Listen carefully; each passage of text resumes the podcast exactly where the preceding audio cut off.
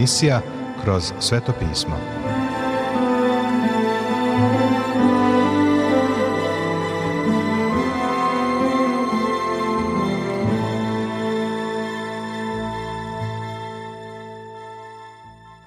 Dobroveče, poštovani slušaoci i dobrodošli u još jednu emisiju programa Kroz sveto pismo, programa koji je za vas napisao Vernon McGee, a pročitao Branko Bjelajac. Želimo vam prijetno i blagoslovljeno slušanje.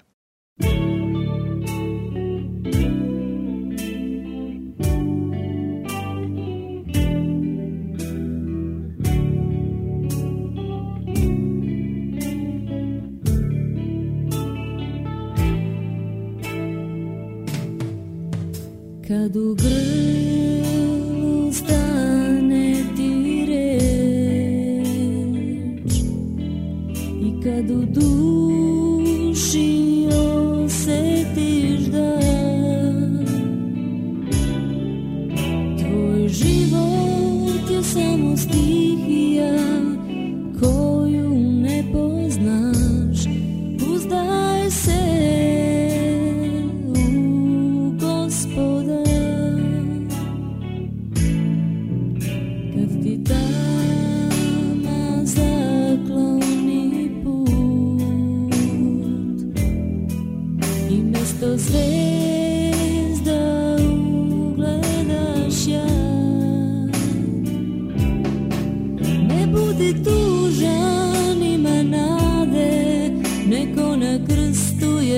Rosanna.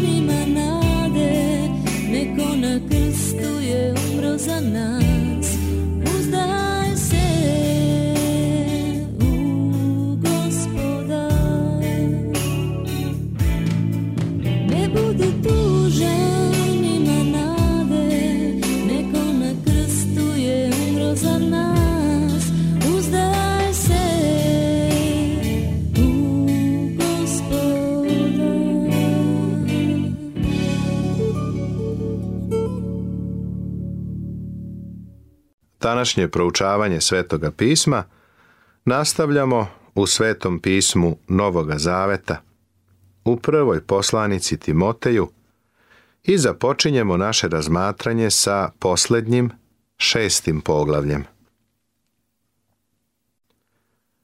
Poglavlje šesto Tema Dužnosti crkvenih služitelja Zaključak Odnos vernika prema drugima Svi koji su robovi pod jarmom neka drže svoje gospodare za vredne svake časti, da se ne bi hulilo na Božije ime i na nauku.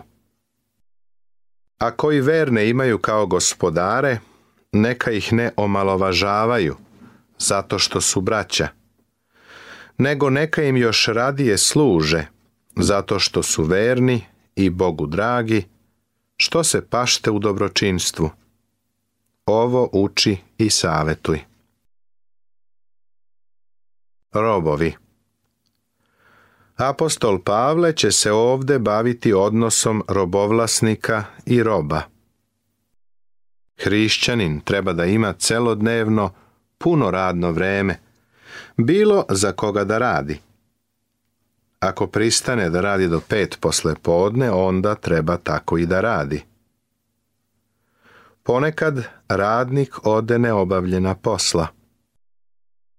Hrišćanin treba da radi pun radni dan, za koji je i plaćen. Pretpostavimo da hrišćanin ima hrišćanina za šefa.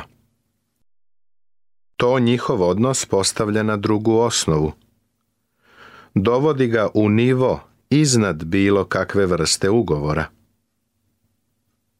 Poznajem jednu fabriku u Dallasu u državi Teksas. Vlasnici su hrišćani, a mnogi studenti teološkog fakulteta tu su zaposleni. Imao sam privilegiju da im govorim 45 minuta na službi u kapeli koju imaju – plaćeni su i za to vreme. Duh među njima je izvanredan. Jednom prilikom sam im uputio pohvale zbog toga. Odgovorili su mi, ne hvalite nas. Vidjeli smo da su ovi radnici, hrišćani, mnogo bolji od svih ostalih. To je dvosmerna ulica. Oni su tako divni radnici, da nam se čini da im ništa ne pružamo. Oni nama tako mnogo pružaju. Kako je to divan odnos? Vidiš, hrišćanstvo izlazi u radionice. Ono radi svojim rukama. Ponekad se spušta u blato ne u blato greha, nego teškog posla. Ako li ko uči drugačije i ne pristaje na zdrave reči gospoda našega Isusa Hrista i na nauku shodnu pobožnosti, taj je nadmen i ne zna ništa, nego boluje od prepiranja i svađanja od čega nastaju zavist, svađa, huljenja, zla podozrenja, svađanja ljudi pokvarena uma i lišenih istine, koji misle da je pobožnost sredstvo dobiti. Postoje neki ponosni ljudi u službi. Oni stvaraju nevolje ponos uvek stvara nevolju i ne bi smeo da postoji u Božijem detetu. Treba da shvatimo da smo grešnici, spaseni blagodaću Božijom. Ponos je stalna opasnost. Ponos na mesto, na rasu, na lice, na blagodat. Neki ljudi su čak ponosni, što su spaseni blagodaću Božijom. Ali prijatelju, hrišćani imaju mnogo toga zbog čega treba da budu ponizni. Imamo vrlo žalosno i prljavo poreklo. Mi smo grešnici, spaseni Božijom blagodaću. Pobožnost i jeste velika dobit, kada je spojena sa osjećanjem dovoljnosti. Važno je da Božije dete nađe zadovoljstvo u poziciji koju zauzima u životu. Jer ništa nismo doneli na svet, pa ništa ne možemo ni odneti. Ovo je istina.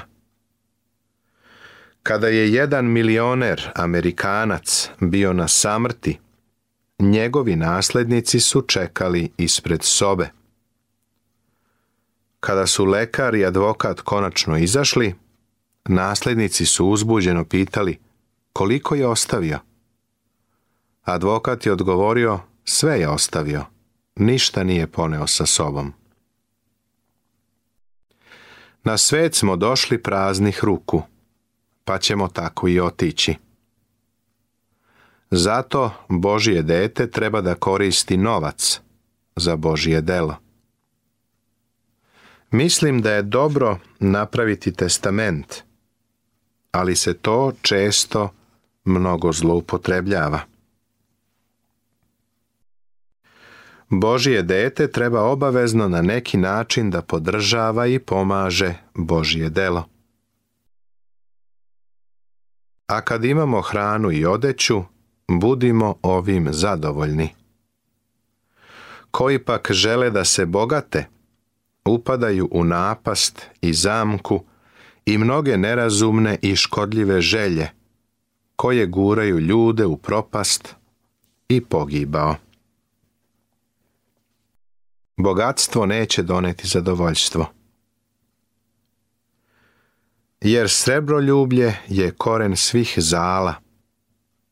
Neki mu se predadoše, zastraniše od vere i sami sebi mnoge muke pričiniše. Novac sam po sebi nije zao, on je amoralan. Ljubav prema novcu je koren svakog zla. a ti čoveče Božiji, izbegavaj sve to. Idi za pravednošću, pobožnošću, verom, ljubavlju, strpljivošću, blagošću. Ovo su vrline koje čovek Božiji treba da stiče. Bori se u dobroj borbi vere – dohvati večni život u koji si pozvan i za koji si dao dobro ispovedanje pred mnogim svedocima. Bori se u dobroj borbi vere. Ova borba može biti spoljašnja i unutrašnja, fizička i duhovna. Dohvati večni život. Dozvoli da ti postavim pitanje da te uhapse zato što si hrišćanin i da te odvedu u sud, da li bi bilo dovoljno dokaza da te osude? O tome Pavle govori. Dohvati večni život. Svojim životom jasno pokaži da si Božje dete. Nalažem ti pred Bogom koji se oživljava i Hristom Isusom koji je pred Pontijem Pilatom posvedočio lepo ispovedanje, da držiš ovu naredbu čistu i neporočnu do dolaska gospoda našega Isusa Hrista. Bog koji sve oživljava. Znači, Bog koji svemu daje život. Da držiš ovu naredbu čistu i neporočnu. Znači da držiš zapovesti koje je Pavle dao bez ukora i bez mane. Prijatelju, ako slediš Hrista, ponašat ćeš se kao Božije dete. Koji će nam se u svoje vreme pokazati blaženi i jedini vladalac kralj kraljeva i gospodar gospodara, koji jedini ima besmrtnost i obitava u svetlosti, kojoj se ne može pristupiti, koga niko od ljudi nije video, niti može videti, njemu čast i večna sila. Amin. Koji jedini ima besmrtnost, Isus Hristos je jedini koji je ustao iz mrtvih u proslavljenom telu. Bogatima na ovom svetu nalaži da ne budu oholi i da se ne uzdaju u nesigurno bogatstvo, nego u Boga koji nam sve daje izobilno za užitak, da čine dobro, da se bogate u dobrim delima, da budu darežljivi na opštu korist, sabirajući tako sebi blago kao temelj za budućnost, da dostignu pravi život. Bogatima na ovom svetu nalaži.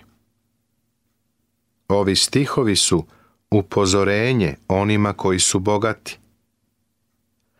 Da budu darežljivi, znači da saosećaju, da budu spremni da daju drugima, da dostignu pravi život. Znači život koji je stvarni život. O Timoteju, sačuvaj povereno ti dobro, kloni se poganih, praznih reči i protivljenja lažnog znanja, koga se neki drže i tako od vere otpadoše blagodat sa vama. Drugim rečima, ne trudi se da budeš intelektualni propovednik ili učitelj ili hrišćanin. Lažno znanje Pavle govori o gnostičkoj jeresi, ali se ovo svakako može primijeniti i na celokupnu ljudsku filozofiju. Druga poslanica Timoteju Uvod Sada sledi približan kalendar događaja koji će nam pomoći da odredimo mesto druge poslanice Timoteju u okviru službe apostola Pavla. Pavle je ovu poslanicu napisao oko 67. godine naše ere. Oko 58. godine Pavle je uhapšen u Jerusalimu. Oko 61. godine ovo je približno vreme kada je Pavle stigao u Rim. U zatvoru je proveo tri godine. Išao je sa jednog suđenja na drugo. Izlazio je pred različite rimske vladare, koji su se smenjivali oko 61. do 63. godine Pavle je u prvom zatočeništvu u Rimu. Ovo nije zabeleženo delima apostolskim koja se prekidaju na početku prvog Pavlovog utamničenja. Od 64. do 67. godine naše ere Pavle je pušten iz zatvora – i tokom tog perioda je pokrio veliki deo teritorije. Tokom ovog perioda je Pavle iz Makedonije napisao i prvu poslanicu Timoteju.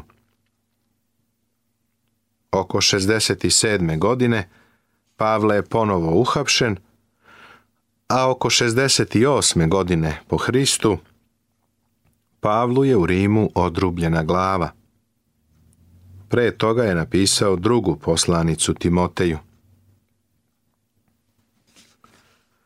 Ovo su dva stiha koja nose temu, ton i smisa ove poslanice. Potrudi se da se pokažeš vrstan pred Bogom kao radnik koji ne mora da se stidi, koji pravo upravlja u istine, kaže druga poslanica Timoteju u drugom poglavlju u 15. stihu i drugi, propovedaj reč, prioni u vreme i nevreme, pokaraj, zapreti, opomeni sa svakom strpljivošću i poukom. Ovo je druga poslanica Timoteju, četvrto poglavlje, drugi stih. Mislim da u ovoj poslanici može da se istakne jedna reč iznad svih ostalih – to je reč odanost. Prvo odanost u trpljenju. Prvo poglavlje. Drugo odanost u službi. Drugo poglavlje. Treće odanost tokom otpadništva. Treće poglavlje i prvih pet stihova četvrtog poglavlja. I četvrto, gospodnja odanost svome slugi kada je napušten posljednji stihovi u četvrtom poglavlju, od 6. do 22. Izjava na samrtnoj postelji svake osobe ima važnost koja nije povezana sa drugim opažanjima. To je ono što daje važnost drugoj poslanici Timoteju. To je posljednja Pavlova izjava. Ona u sebi sadrži notu tuge, koja se ne opaža u drugim poslanicama. Ipak, nadvladava prizvuk pobede.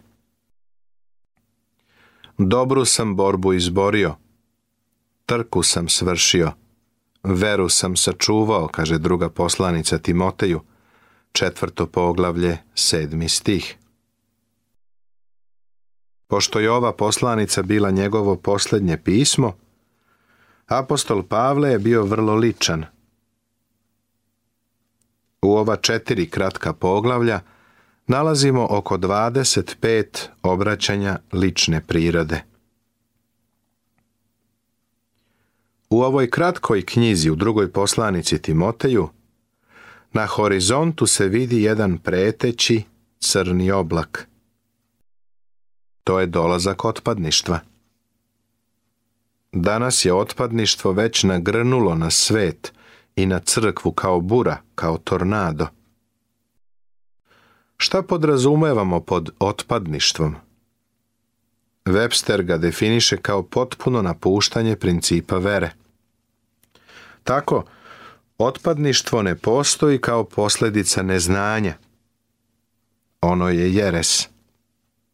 Otpadništvo je nameran greh. To je namerno odvajanje od vere.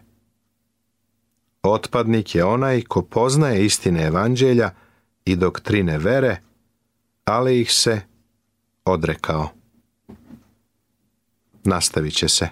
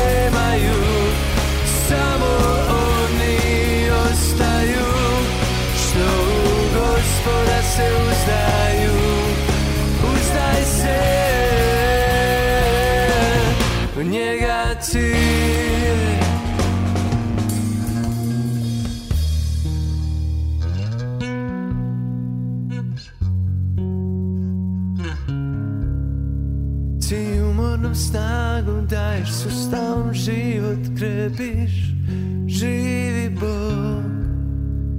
Ti umornom snagu daješ, sustavom život krepiš, živi Bog. Ti umornom snagu daješ, sustavom